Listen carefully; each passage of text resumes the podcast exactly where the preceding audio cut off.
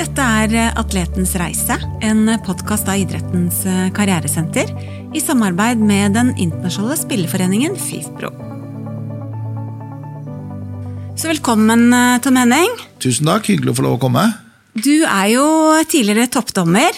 Stemmer, jeg har dømt fotball i mange år. Ikke sant? Og du har jo vært ute i noen situasjoner som eh, hvor du antagelig også har kjent på litt puls og litt diverse. Ja, definitivt. Hva, det, har jeg. hva tenker du om eh, innføringa av VAR i Norge og i Eliteserien? Sånn som fotballen har utvikla seg, så tenker jeg at eh, VAR har vel kommet for å, for å bli i, i norsk og internasjonal toppfotball. Og så er det viktig da at man klarer å bruke den, det hjelpemiddelet med klokskap. Og det har vel vært litt sånn varierende erfaringer rundt omkring i verden, men det begynner vel å sette seg litt, så jeg håper at det går bra i Norge også. Ikke sant? Du, Vi skal jo absolutt snakke mest om mental helse i denne episoden, her, men uh, før vi går inn på det temaet, så er jeg litt sånn nysgjerrig på å høre hvordan en uh, psykolog takler det å stå virkelig i kampens hete. Og da tenker jeg selvfølgelig tilbake på den semifinalen som du dømte i Champions League. Ja.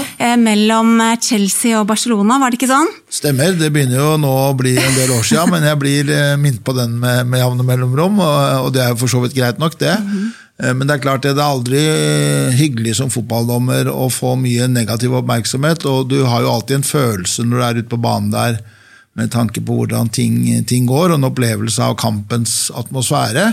Så det er klart, når du da opplever at du ikke presterer på det nivået du ønsker å gjøre, så, så kjenner du jo det også litt sånn kroppslig, og, og både på nerver og, og, og, negative tanker som kommer. Mm.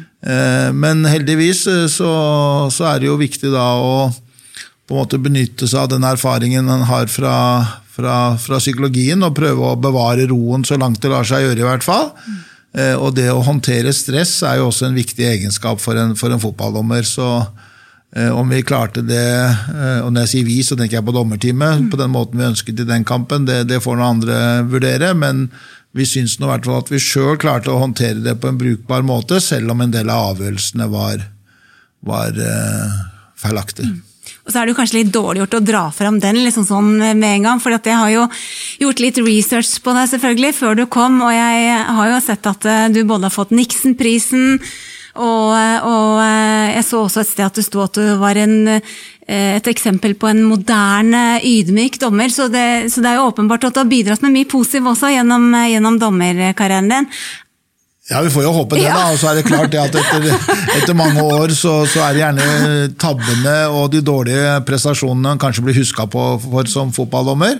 Eh, og det lever jeg egentlig ganske greit med. Jeg vet at det er mer enn den kampen i, i London som definerer meg som, som fotballdommer. og så, så, selvfølgelig så skulle jeg gjerne ønske at den var håndtert på en noe bedre måte, men, men jeg har også mange, mange flotte minner fra for alle de årene jeg var eh, dommer på, på toppnivå, så, så, det er bare noe man må ta med seg på et vis. Ikke sant. Men du, du, du er jo faktisk også en av de mest kompetente psykologene innenfor toppidretten eh, i Norge, og har jobbet mange år med toppidrettsutøvere. Eh, og nå driver du også med en doktorgradsavhandling som går mer på mental helse i toppidretten. Er det sånn at uh, historisk sett har vært, altså, vært, mer fokus på prestasjonspsykologien og det å liksom, maksimere prestasjoner enn det har vært fokus på den mentale helsen, som utøvere også tross alt har? Ja, definitivt. Eh, mm. Vi ser jo det at i toppidretten så, så, har det med mental og psykisk helse først uh, kan du si, fått mye oppmerksomhet de siste årene, og man har vel mer hatt fokus på det å optimalisere og utvikle prestasjon. Eh, men det er klart at også toppidrettsutøvere er først og fremst eh, mennesker, og de kan jo også ha sine utfordringer og problemer de står i. Derfor er jeg veldig glad for at det både har blitt mer fokus på dette her, og jeg er også veldig glad for at jeg sjøl har fått lov å dykke litt ned i det eh, gjennom et prosjekt i regi av Norges idrettshøgskole og professor Anne Marte Pensgaard. Så, så jeg håper og tror at den type forskning er noe som både vil komme kan du si, den enkelte utøver og toppidretten til nytte. Mm. Kan du si noe om funn, eller? Ja, altså Det vi ser, er jo at uh, toppidrettsutøvere de har sine utfordringer, de som, som alle andre. Uh, vi har uh, nå kartlagt en nærmere 400 toppidrettsutøvere i, i, Norge, og ser det at det å slite med symptomer på, på depresjon og angst og søvnproblematikk osv., det, det, det, det ser vi også i toppidretten. Mm. Og det er klart at det, det, er det viktig å være klar over. Og så er det jo samtidig da avgjørende å understreke at det å ha symptomer på, på en depresjon eller symptomer på en angstlidelse, betyr ikke nødvendigvis at du har en, har en faktisk depressiv lidelse. Men det er i hvert fall ting som tyder på at ut, toppidrettsutøvere på lik linje med oss andre kan ha utfordringer i hverdagen. Mm. For Man har kanskje en tendens til å tenke at toppidrettsutøvere de er litt sånn utenomjordisk sterke på alle mulige arenaer, ikke sant? men det er som du sier, de har jo også en mental, mental helse. Og er det også sånn at det, det trøkket som toppidrettsutøvere utsettes for, gjør de litt mer sårbare? Ja, det kan det være. Og så er jo det også et miljø som, som man som toppidrettsutøver frivillig oppsøker. Ja. Eh, men det er ikke til å komme bort ifra at uh, veldig mange kommer jo inn i et miljø hvor, hvor det er et ekstremt fokus på prestasjon, og, og verdien din blir målt ut ifra hvordan du presterer og hva du kan vise til av resultater. Mm. Uh, og det er klart, Vi vet jo også at veldig mange toppidrettsutøvere er i en alder hvor man ofte da også kan kjenne på dette med psykisk problematikk for første gang. altså sånn I Sein tenår, tidlig, tidlig 20-år osv. Så, videre. mm. så det er klart at en, en, viss sårbarhet kan det være å tilhøre et slikt miljø, hvor, hvor man da blir målt veldig og vurdert veldig på bakgrunn av hva man får til på fotballbanen eller på håndballbanen eller i skiløypa. Mm. Så, så, det er ikke til å komme bort ifra. Ikke sant? Men vil du si at det er, liksom mer, det at det er mer fokus på det nå, gjør det også at toppidrettsutøvere Eh, tar raskere tak i det, eller eh, si, forstår at de kanskje trenger å snakke med noen, eller ja, Det vet vi ikke så mye om, egentlig, foreløpig i hvert fall. Men mm. vi håper og tror at uh, i hvert fall de utøverne som, som, har behov for det, får den mm. hjelpa de, de, trenger. Mm. Eh, og så er jo En av mine målsetninger med å delta i dette prosjektet er jo også at vi skal kunne snakke om psykisk helse på samme måte mm. som vi snakker om fysisk helse. Mm. Og at det skal være like lett å be om hjelp for en depresjon som å be om hjelp for en kneskade eller en skulderskade. Eh, og det å normalisere dette med, med psykisk uhelse også. Ikke sant? Fordi Jeg har i hvert fall sett uh, tidligere noen det har vært noen oppslag ikke sant, med at det er mer psykiske lidelser i toppidretten enn i, enn i befolkningen for øvrig. Men det er kanskje som du sier, da, at man ikke i de studiene er skilt helt mellom psykiske plager og psykiske lidelser. Og så har det kanskje blitt hausa litt opp. Ja, jeg syns nå det, i hvert fall. Ja. Mye av den forskninga jeg har lest, så, så syns jeg man har en tendens til å kanskje sykeliggjøre mm. toppidretten i litt for stor grad. Eh, det er mange hensyn man, man må ta når man, man, gjør denne type forskning. Mm. Eh, og, og, og forskninga spriker også veldig i alle retninger med tanke på, på prevalens og forekomst sammenlignet med den øvrige befolkningen. Mm. Eh, og så tenker jeg sånn for, for for fra mitt ståsted, om det er fem som sliter, eller om det er 50 eller 500, det er egentlig litt sånn uvesentlig. Det viktigste er å gi den hjelpa uh, som, som, trengs til de som har behov for det. Uh, og så at vi da, også da skaper et klima for at det er greit å ha det vanskelig også når du driver med toppidrett. Mm. Så Det er kanskje det aller viktigste. Men, men det viktigste sånn for min del er jo ikke nødvendigvis å sammenligne toppidrettsutøvere med, med andre, men at man får et kultur og et klima i toppidretten som gjør at man kan få den hjelpa man trenger, som sagt, når man, når man har mm. behov for det. Er det noen idretter som du opplever har kommet lenger i, i det å skape et klima, da, hvor det å, å, snakke om de tingene her er, eh, er mer innafor? Nei, i grunnen ikke. Jeg, jeg, tror det er eh, sånn generelt sett så, så vet vi jo det at det er et stigma rundt dette med psykisk uhelse i, i, i samfunnet. Mm. Og det stigmaet er nok kanskje enda høyere eller større i, i toppidretten. Og jeg tror ikke nødvendigvis at det er noen idretter som, som kan du si, stikker seg fram, verken i positiv eller negativ til retning. Hva, hva er, hva er liksom risikofaktorer, eller, ja, hva, hva, er risikofaktorer, sånn som du ser det, eh, for toppidrettsutøvere i forhold til å potensielt kunne kjenne på mentale utfordringer?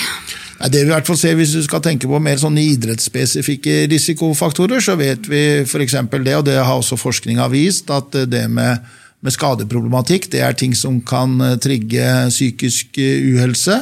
Det å ikke prestere over tid, altså når man opplever over tid at det butter imot, det å ikke bli tatt med, det å gjøre det dårligere eh, kan du si, enn det man har som målsetning, er sånne ting som kan trigge, trigge en del av disse plagene.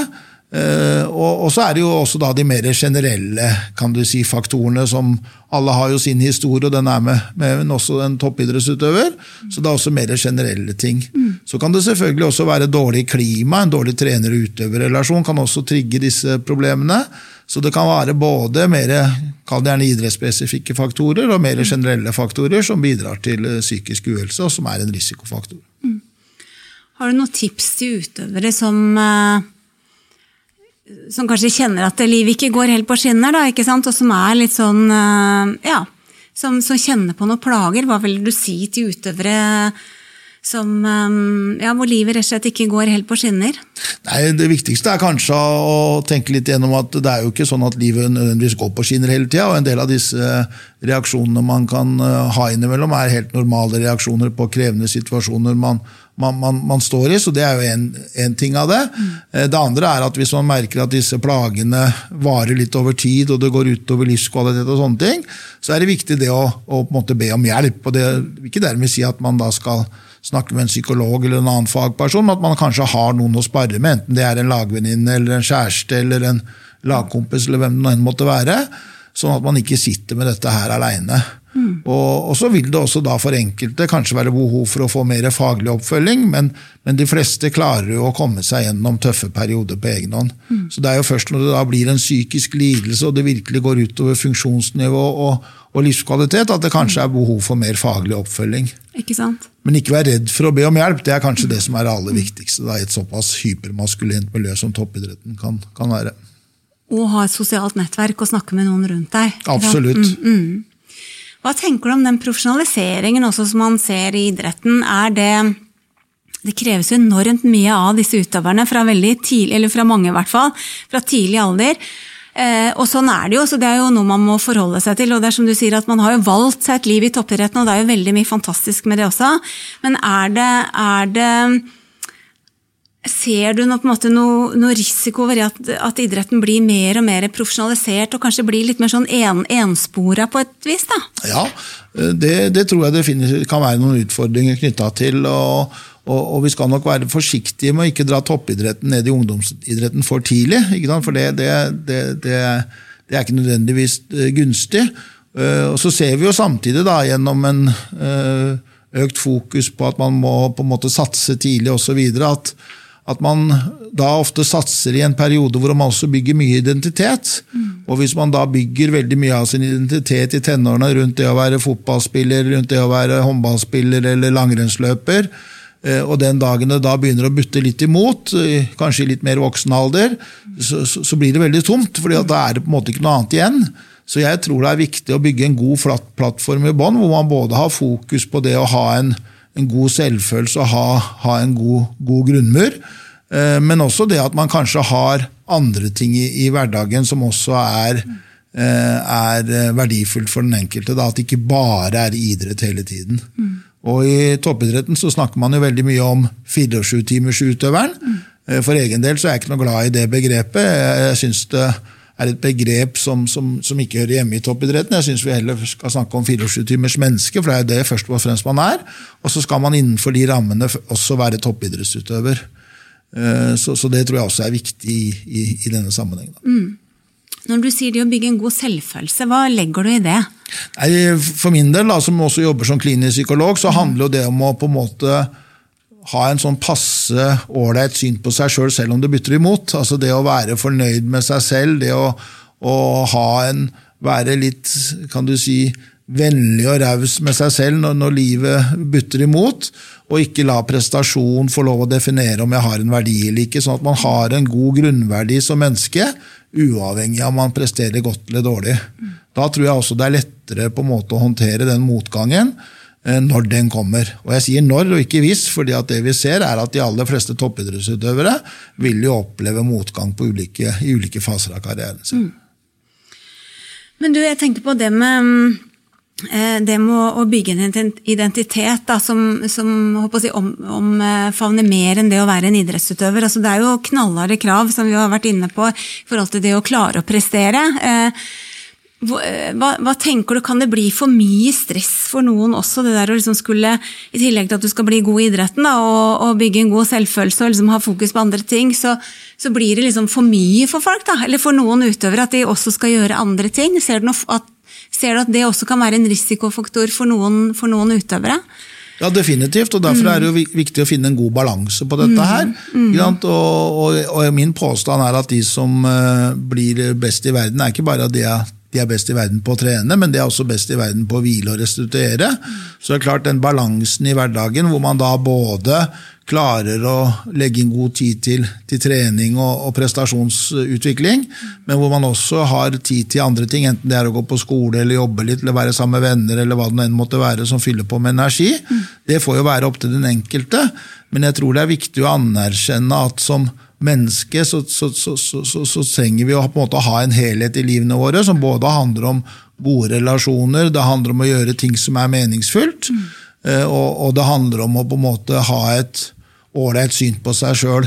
Og da tenker jeg at det er viktig at vi på en måte anerkjenner det, og, og, ser at det å være toppidrettsutøver det handler om noe mer enn bare det å trene, hvis det skal være bærekraftig over tid. Mm.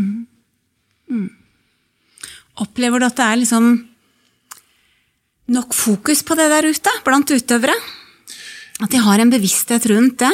Ja, eller det er vel veldig variert, eh, i hvert fall mitt uh, inntrykk. Men jeg syns det i hvert fall er en økende fokus på det. Mm. Uh, og så er jo noe av utfordringen at uh, trenere og andre som er en del av toppidretten, har jo veldig forskjellig syn på dette her. Og de, de, det synet jeg forfekter, det er jo ikke nødvendigvis en sannhet som, som, som, gjelder for alle. Så det vil nok være da fagpersoner der ute også som sier andre ting enn det, det f.eks. jeg gjør.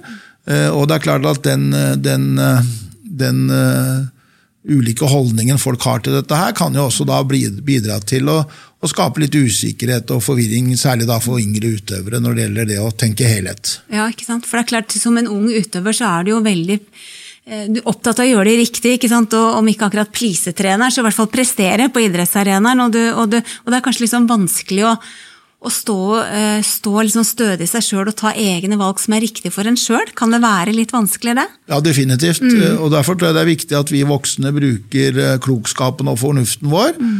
og legger opp til en passe mengde belastning også for de unge utøverne som, som ønsker å satse. Mm. Og at vi ser helheten. Ikke sant? Og Du har jo vært inne på det nå, men hvis man da liksom skal sørge for at man bygger en sånn mental robusthet, da, så kan vi jo alle få utfordringer, ikke sant? som du har vært inne på nå, men hva, hva vil du si er du har sagt litt om det nå, men hva vil du si er viktige faktorer for å liksom bygge en mental robusthet? En ting eh, jeg for egen del er opptatt av når jeg jobber med både yngre utøvere, men også med toppidrettsutøvere, er det å prøve å bygge opp en kan du si, kall det gjerne en psykologisk fleksibilitet hos den enkelte utøveren eller hos den enkelte personen jeg jobber med. Eh, og Det handler gjerne om at man som utøver skal være forberedt på at det kommer perioder hvor det er kjipe tanker og vanskelige følelser, eh, men at man skal klare å romme det, og ikke nødvendigvis hele tiden jakte på den riktige tanken og den riktige følelsen. Eh, toppidrett er veldig emosjonell. Altså det er store høyder og det er dype daler. Eh, og det å tåle dette spennet er jo veldig viktig, mener jeg, skal man klare å holde ut i toppidretten over, over tid.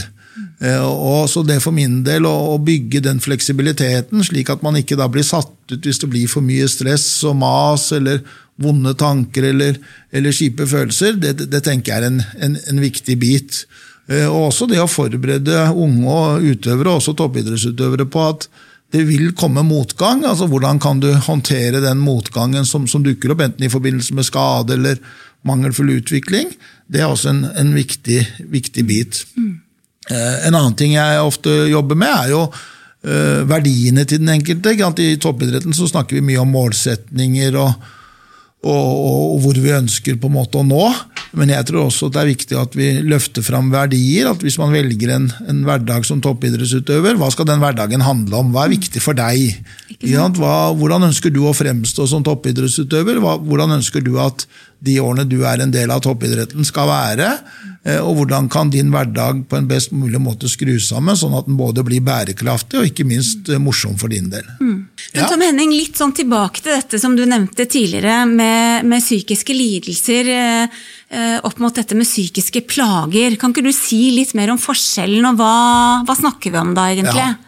Det vi, kan, det vi, ser, er at veldig mye av den forskninga så langt i hvert fall, som har retta seg mot uh, psykisk helse i, toppidrett, har jo fokusert veldig mye på psykiske plager. Eh, og Det kan man undersøke ved å sende ut selvrapporteringsskjemaer, og, og får da et bilde på symptomtrykk. Man kan få et bilde på symptomtrykk innenfor depresjon og depressive lidelser, eller angstlidelser eller spiseforstyrrelser, eller hva det enn måtte være, men uten at det dermed sier noe om, eh, om utøveren har faktiske psykiske lidelser. Eh, for da må man gjøre et mer klinisk intervju, som også da ser nærmere på funksjonsnivå, hvordan disse symptomene påvirker den enkelte i hverdagen. Så psykiske plager kan være utfordrende og plagsomme, men psykiske lidelser da er på en måte en helt annen dybde. Da er det nok symptomer til at det på en måte får en, kan du si, får en diagnose. Eh, og det vil også gå utover funksjonsnivå på en betydelig måte, som gjør at både livskvaliteten og, og gleden i hverdagen eh, blir berørt. Ikke sant? Eh, og Derfor er det viktig å understreke at eh, selv om man da kan f.eks. se undersøkelser som viser at 20% av norske fotballspillere for eksempel, har symptomer på depresjon, så er det ikke dermed sagt at så mange har en faktisk depressiv lidelse, mm. og at tallet for psykiske lidelser kan være betydelig lavere enn tallet for psykiske plager. Derfor tenker jeg at det er et viktig skille, og det er også viktig å være klar over når vi, når vi leser om disse ulike undersøkelsene som er gjort i toppidretten. Ikke sant? Og så er det, som du for så vidt har vært inne på også, at det, det å normalisere også, eh, at det å ha plager, da, ikke sant? Det, er, det er en del av livet også for toppidrettsutøvere. Ja, definitivt. Eh, mm, og, og, og, toppidretten er jo veldig altså Det er jo mye følelser i toppidretten. Mm. Den enorme gleden og tilfredsstillelsen når du tar et eh, OL- eller VM-gull, men også den store frustrasjonen og nedstemtheten kanskje etter at du har bomma på et straffe, avgjørende straffespark eller gjort noen andre tabber eller gjort en dårlig prestasjon. Eh, så det er klart at det å være klar over at man kan oppleve mange av disse kan du si, ulike følelsesmessige reaksjoner uten at det er noe sykelig i det, det tror jeg er viktig. Livet byr også på motgang. Livet kan også være tøft og vanskelig innimellom. Eh, og det kan det også være for en toppidrettsutøver, uten at vi skal sykeliggjøre det på noe vis. Ikke sant? Eh, og så tror jeg da samtidig at det er viktig også å anerkjenne at det å kan du si bare, for å bruke det litt sånn i hermetegn, å, ha psykiske plager også kan være vanskelig for en toppidrettsutøver, men det er ikke dermed sagt at man har en psykisk eh, lidelse. Ja, for er det litt sånn, eller Vil du si da, at det er litt sånn generelt i samfunnet at vi har fått et litt mer sånn psykologisert språk? sånn at vi, vi snakker som vi har en diagnose annenhver dag, holdt jeg på å si alle sammen. Eller det var kanskje litt drøyt, da, men vi kan si at nå er jeg deprimert, eller nå kjente jeg på angst osv. Og, så og at det også liksom gjør noe med oss. At vi liksom tror at vi kanskje også altså Vi skal ikke undervurdere det å ha psykiske plager, som du sier, men at vi også gjennom språket er med nesten gjøre oss litt sånn sjukere enn det vi egentlig er? At det er mer normalt, da? Ja, mange vil nok hevde det. ikke sant? Vi mm. bruker ofte ord som 'jeg er deppa' eller 'jeg har angst', eller uten mm. at vi egentlig legger noe særlig mer i det. Og det er klart at det å være nedstemt og være nedfor og være lei seg, er, det, er langt ifra det samme som å være deprimert. Mm. Det å være litt redd og urolig og nervøs før en konkurranse er ikke det samme som å ha en angstlidelse. Eh, så det kan jo være noe i det du sier, at gjennom det språket vi bruker, så blir det en form for psykologisering av, av kan du si, hverdagen, som ikke nødvendigvis er bare bra. da. Mm. Og Så kan det også være det at det å sette mer fokus på det, gjør at folk også da lettere tør å be om, om hjelp hvis de trenger det. Men jeg tror det er en hårfin balansegang der, som noen ganger kan, kan gjøre, føre til at folk kanskje tenker at de er syke, når det egentlig bare er helt normale reaksjoner de har på livets uh, uh, kan du si, motsetningsfylte eh, hverdag innimellom. Ikke sant. Mm. Men du, eh, vi har snakka om mental helse også. Eh, og det er jo det vi snakker om nå, da. Eh, men eh, kan ikke du si litt mer? Hva, hva legger du liksom i begrepet mental helse? Hva er det egentlig, hvis du skulle ja, det, det, er det mange forskjellige definisjoner på, og, og det er klart det at uh, det som kanskje er viktig å understreke, at god mental helse handler om noe mer enn bare fravær av psykisk uhelse. Eh, og, og, det også da å oppleve en hverdag som er meningsfull, hvor du har en viss grad av autonomi, gode relasjoner. Eh, det er også sånne ting som på en måte er viktig for å ha god mental helse. Og det å få lov å kunne bidra på ulike områder, enten det er innenfor idretten eller på, på andre arenaer, er også viktig for å ha god mental helse. Så det er ikke gitt at du har en god mental helse selv om du da har fravær av psykiske lidelser. Eh, men det er klart at hvis du da i tillegg har psykiske lidelser og også opplever livet som lite meningsfylt, eh, så kan hverdagen være, være trå. Mm. Hva tenker du om dette med teknologi, altså, eller eh, sosiale medier? Da, all den eh, tiden også utøvere er på, på sosiale medier, og, og sånn sett sammenligner seg med andre, da, og, og, og, i det hele tatt bruker mye tid på den type ting. Har du, noe, har du noen tanker rundt hvordan det kan påvirke også den mentale helsa?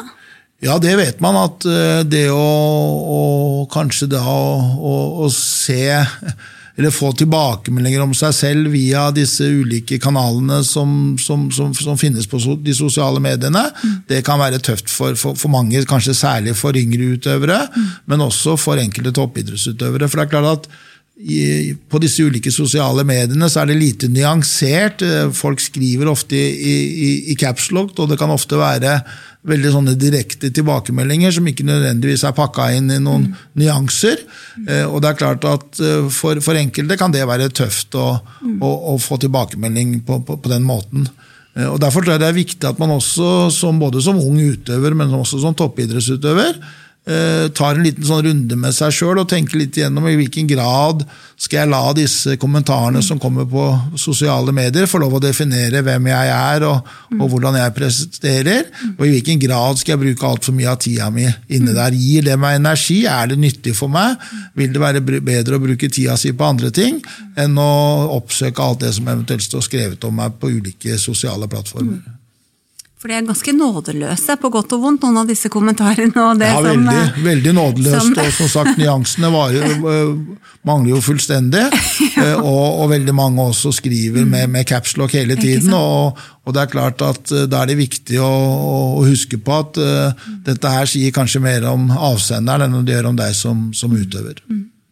Men du, med tanke på, på um de store oppturene, da, forhåpentligvis også nedturene som man har gjennom en idrettskarriere. Og det å liksom takle det å, å komme hele, si, helskinna gjennom en idrettskarriere, det hørtes jo kanskje litt negativt ut, for det er jo vanvittig mye positivt med det. men det gjør jo at utøvere har en sånn robusthet med seg også i livet videre. Vil du ikke si det? Som mange andre kanskje ikke har, da? Sånn i ja, definitivt. Jeg tenker at det å, å, å være, eller ha, ha, erfart det å være toppidrettsutøver gir deg en veldig sånn realkompetanse mm. på, på, mange områder. Både med, med, hensyn til det å, å jobbe målretta mot uh, mål du setter deg, uh, med hensyn til det å håndtere motgang og utfordringer underveis, mm. med hensyn til det å løfte fram uh, kan du si, gode prestasjons Eh, miljøer og, og jobbe med kulturen i et lag osv. Så, videre.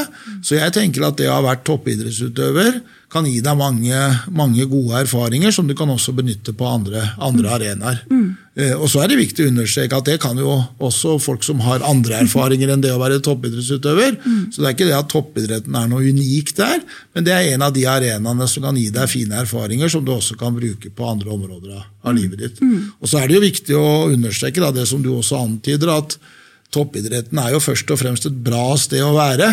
Eh, og, og gir jo både den enkelte og, og også andre som, som, som, ser på dette, har masse gode opplevelser. Men, men, så vet vi også at det kan være tøft i perioder, og da gjelder det å ha et uh, apparat som kan bistå de som trenger det. Mm. Og at man også da legger opp til en kultur som ivaretar den enkelte og, og toppidrettsmiljøet på, på, en best mulig måte. Da. Du, um, du, hva slags metode, eller Er det noen metoder når du, eller, når du jobber med utøvere? da, eh, det, Kan du si noe om liksom, hvordan du jobber liksom generelt, kanskje på tvers av utfordringer? Ja, jeg, for min del, altså Det er mange ulike metoder du kan, kan, bruke, og det er litt avhengig av hvilken problemstilling og, og og hvilket område man ønsker å, å, å jobbe med. Eh, men jeg ser for min del, jeg er veldig kall det gjerne kognitivt orientert. Jeg jobber etter kognitive prinsipper eh, i bred forstand, og, og, bruker mye den tilnærmingen. og det, det, handler mye om å på en måte synliggjøre overfor utøveren hvordan tanker og følelser og handlinger, dvs. Si idretten vil ofte si prestasjon, kan henge litt sammen. Eh, og hvordan vi kan håndtere ulike typer handlinger og følelser som kan skape et visst ubehag eller være begrensende for prestasjon. Hvis vi nå tenker i en mer prestasjonsretta setting. Så, så, det er en tilnærming som, som, jeg for egen del både har gode erfaringer med, og som jeg ser, ser nytter. Men da i vid forstand. Og det er jo ulike kan du si, eh, tilnærminger også innenfor den kognitive tradisjonen. Det kan være alt fra tradisjonell kognitiv tilnærming til mer metakognitiv tilnærming, og vi ser også at en tilnærming som har forkortelsen ACT, som står for uh, aksept og forpliktelsestilnærming, uh, har, blitt veldig gjeldende innenfor for, for idretten internasjonalt, også nå i Norge. Ja, Kan du si litt mer om den siste ACT-tilnærmingen? Ja, det, det, handler mye om det vi var inne om tidligere, dette her med å og også ha fokus på, på verdier. Ja, det er viktig. Hva er viktige verdier for deg som toppidrettsutøver? Hvordan vil du at denne hverdagen som toppidrettsutøver skal være? Så den fokuserer mye på verdier. Den fokuserer også mye på dette her med forpliktende handlinger. altså Hvis dette er viktige verdier for deg, eh, hva vil da være handlinger som er i tråd med de verdiene? Mm. Og den eh, fokuserer også mye på dette her med å være til stede i nuet. Mm. Altså det å, å, være oppmerksom på det som skjer her og nå, mm. og ikke nødvendigvis da sette i gang med for mye grublerier som retter seg mot fortid, eller bekymringer som retter seg mot framtida. Mm. Og i tillegg så er det viktig at man også da jobber med å få et litt sånt lekent forhold, for å bruke det begrepet, til sine egne tanker. Og at man ikke tar alle sine tanker så, så, så, veldig seriøst, men klarer å distansere seg, eller koble seg litt fra disse tankene, uten at de skal få lov å bestemme eh, de handlingene jeg, jeg velger. Mm. Spennende.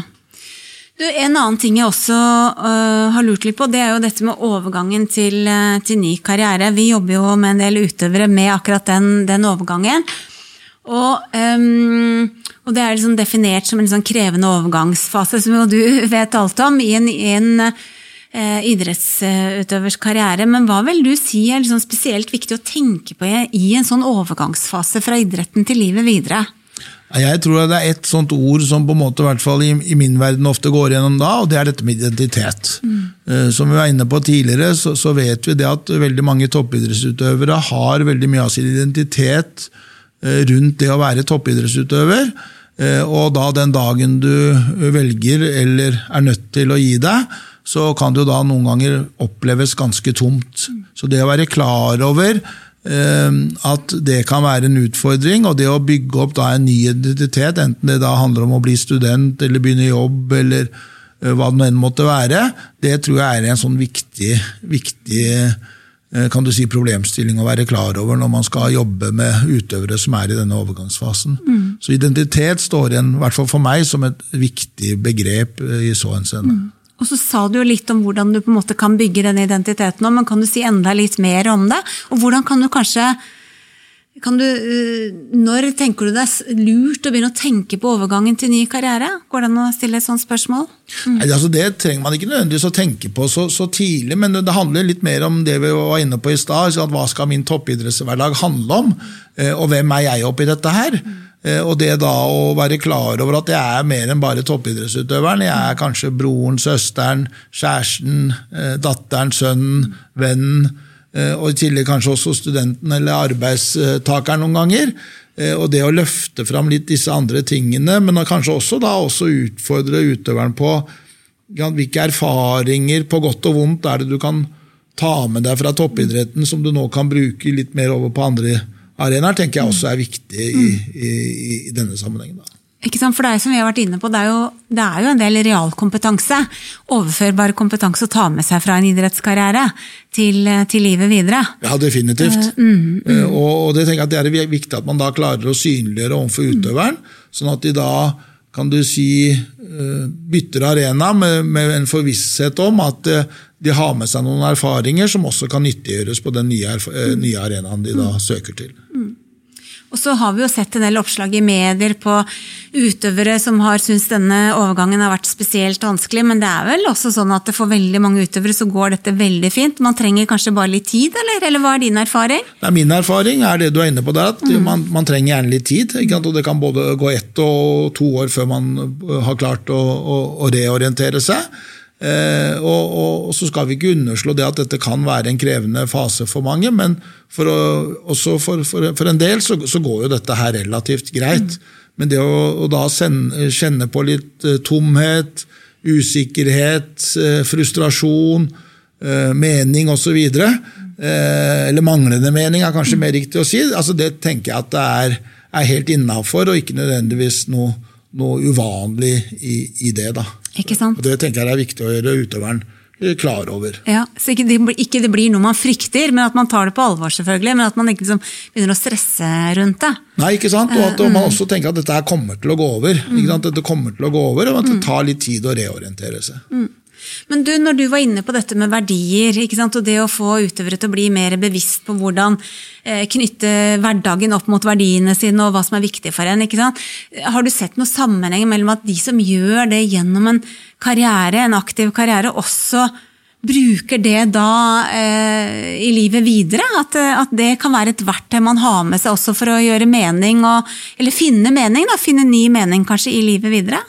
Ja, definitivt. Og så vil jeg understreke at det er noe mer erfaringsbasert enn ja. forskningsbasert, det jeg ja. sier nå. Men, men, jeg tror nok at de som da har det litt sånn solide fundamentet, og, og er litt sånn opptatt av liksom, hva, hva skal da dette livet jeg er en del av, handle om? At vi har en sånn røftlig en 850 000 timer til rådighet fra vi blir født til vi, vi går i grava. og liksom, Hva skal disse timene bestå av? Mm. Eh, og De som har et litt sånn bevisst forhold til det, og, og klarer å, å, å leve, ha en hverdag som ikke bare er basert på målsetninger, men også på, på verdiene sine, det tror jeg også da kan være litt mer robust da, ja. når, når, når, disse ulike krevende overgangene kommer. Mm. Og så er det jo ikke å forvente da, at en 16-17-18-åring skal ha et like bevisst forhold til dette her. Eh, og da kan det hende at vi også bruker andre ord og en litt annen språkbruk for å prøve å løfte fram disse problemstillingene. Men Veldig interessant at du setter eh, fokus på det. Jeg tenkte på en annen ting, og det er at det er jo en del utøvere som eh, virkelig digger det der adrenalinkicket. ikke sant? Og, og, for en del utøvere også så er det jo masse publikum, og man får jo, ikke sant, det trøkket. Eh, gjør det det Er det en sånn ekstra ting man skal være oppmerksom på uh, i overgangen til livet videre. Vi, altså hvis man liksom er litt sånn avhengig av det der adrenalinkicket, det kan du kanskje si at alle toppidrettsutøvere er, men noen er det kanskje enda mer enn andre? Ja, og så er det nok en utfordring knytta til det, som du antyder, at det er nok kanskje få ting som kan erstatte det mm. kicket. Mm. Jeg så en film en gang som heter The Price of Gold. Det var en sånn svensk dokumentar hvor bl.a. Susann Kaller, hun friidrettsløperen, var, var med. Eh, og hun sa jo det på slutten av filmen, uten at jeg skal spoile den på noe vis, at det er, liksom, det er ingenting som kan erstatte det trøkket når du går inn på en fullsatt eh, friidrettsstadion og, og, og, kjenner liksom jubelen og, og, atmosfæren fra publikum. Mm. Og det er klart, for de da som, som, som, hvor det er en sånn viktig greie med idretten, mm. så kan det jo bli veldig tomt etterpå.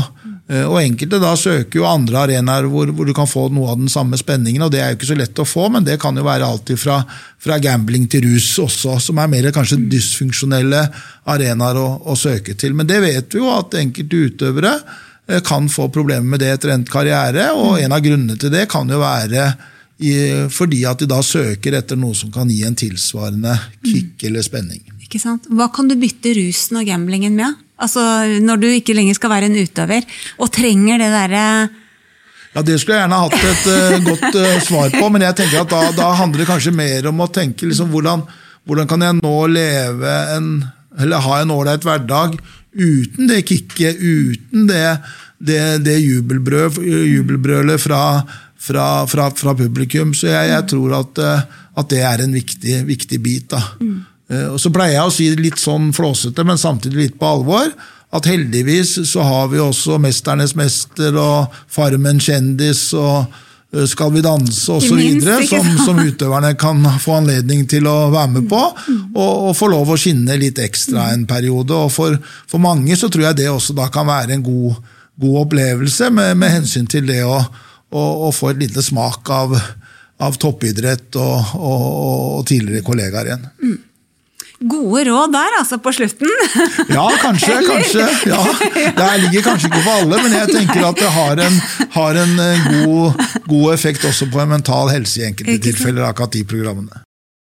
Så Tom Henning, før vi avslutter, kan ikke du bare oppsummere litt hva du tenker er viktig i forhold til mental helse for toppidrettsutøvere? Det ene er at jeg tenker at det er viktig at utøverne tar en liten runde med seg sjøl og tenker gjennom hva skal denne toppidrettshverdagen for meg handle om. Hva er viktig for meg, og, og, og, hva skal den handle om for min del? Og hvordan kan jeg gjøre den bærekraftig?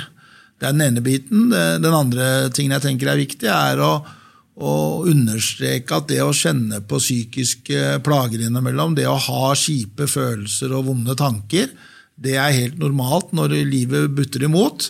Eh, og da er det godt å ha noen å lene seg litt på, enten det da er en foreldre eller en lagkamerat eller en god venninne. Eh, uten at man nødvendigvis trenger å gå til en fagperson av den grunn. Men det er på en måte livets eh, berg-og-dal-bane noen ganger. Eh, og så er det en sånn siste ting som jeg tenker er viktig, og det handler om å ikke være redd for å be om hjelp hvis du tenker at du trenger det. Eh, det kan være vanskelig noen ganger å gi uttrykk for svakhet, hvis vi skal kalle det det. Men det da å faktisk be om hjelp i et miljø som kan være ganske hypermaskulint, det kan være avgjørende for at du kommer på på, på kan du si, godt i vater igjen. Så, så, det også tenker jeg er viktig, at man også da bygger opp det prestasjonsmiljø hvor det er helt legitimt å be om den hjelpa. Det var kloke avslutningsord eh, der fra deg, Tom Henning. Da takker jeg for at du tok deg tid til å komme og snakke med oss. Tusen takk. Bare hyggelig. Dette er Atletens reise, en podkast av Idrettens karrieresenter i samarbeid med den internasjonale spilleforeningen FIFPro.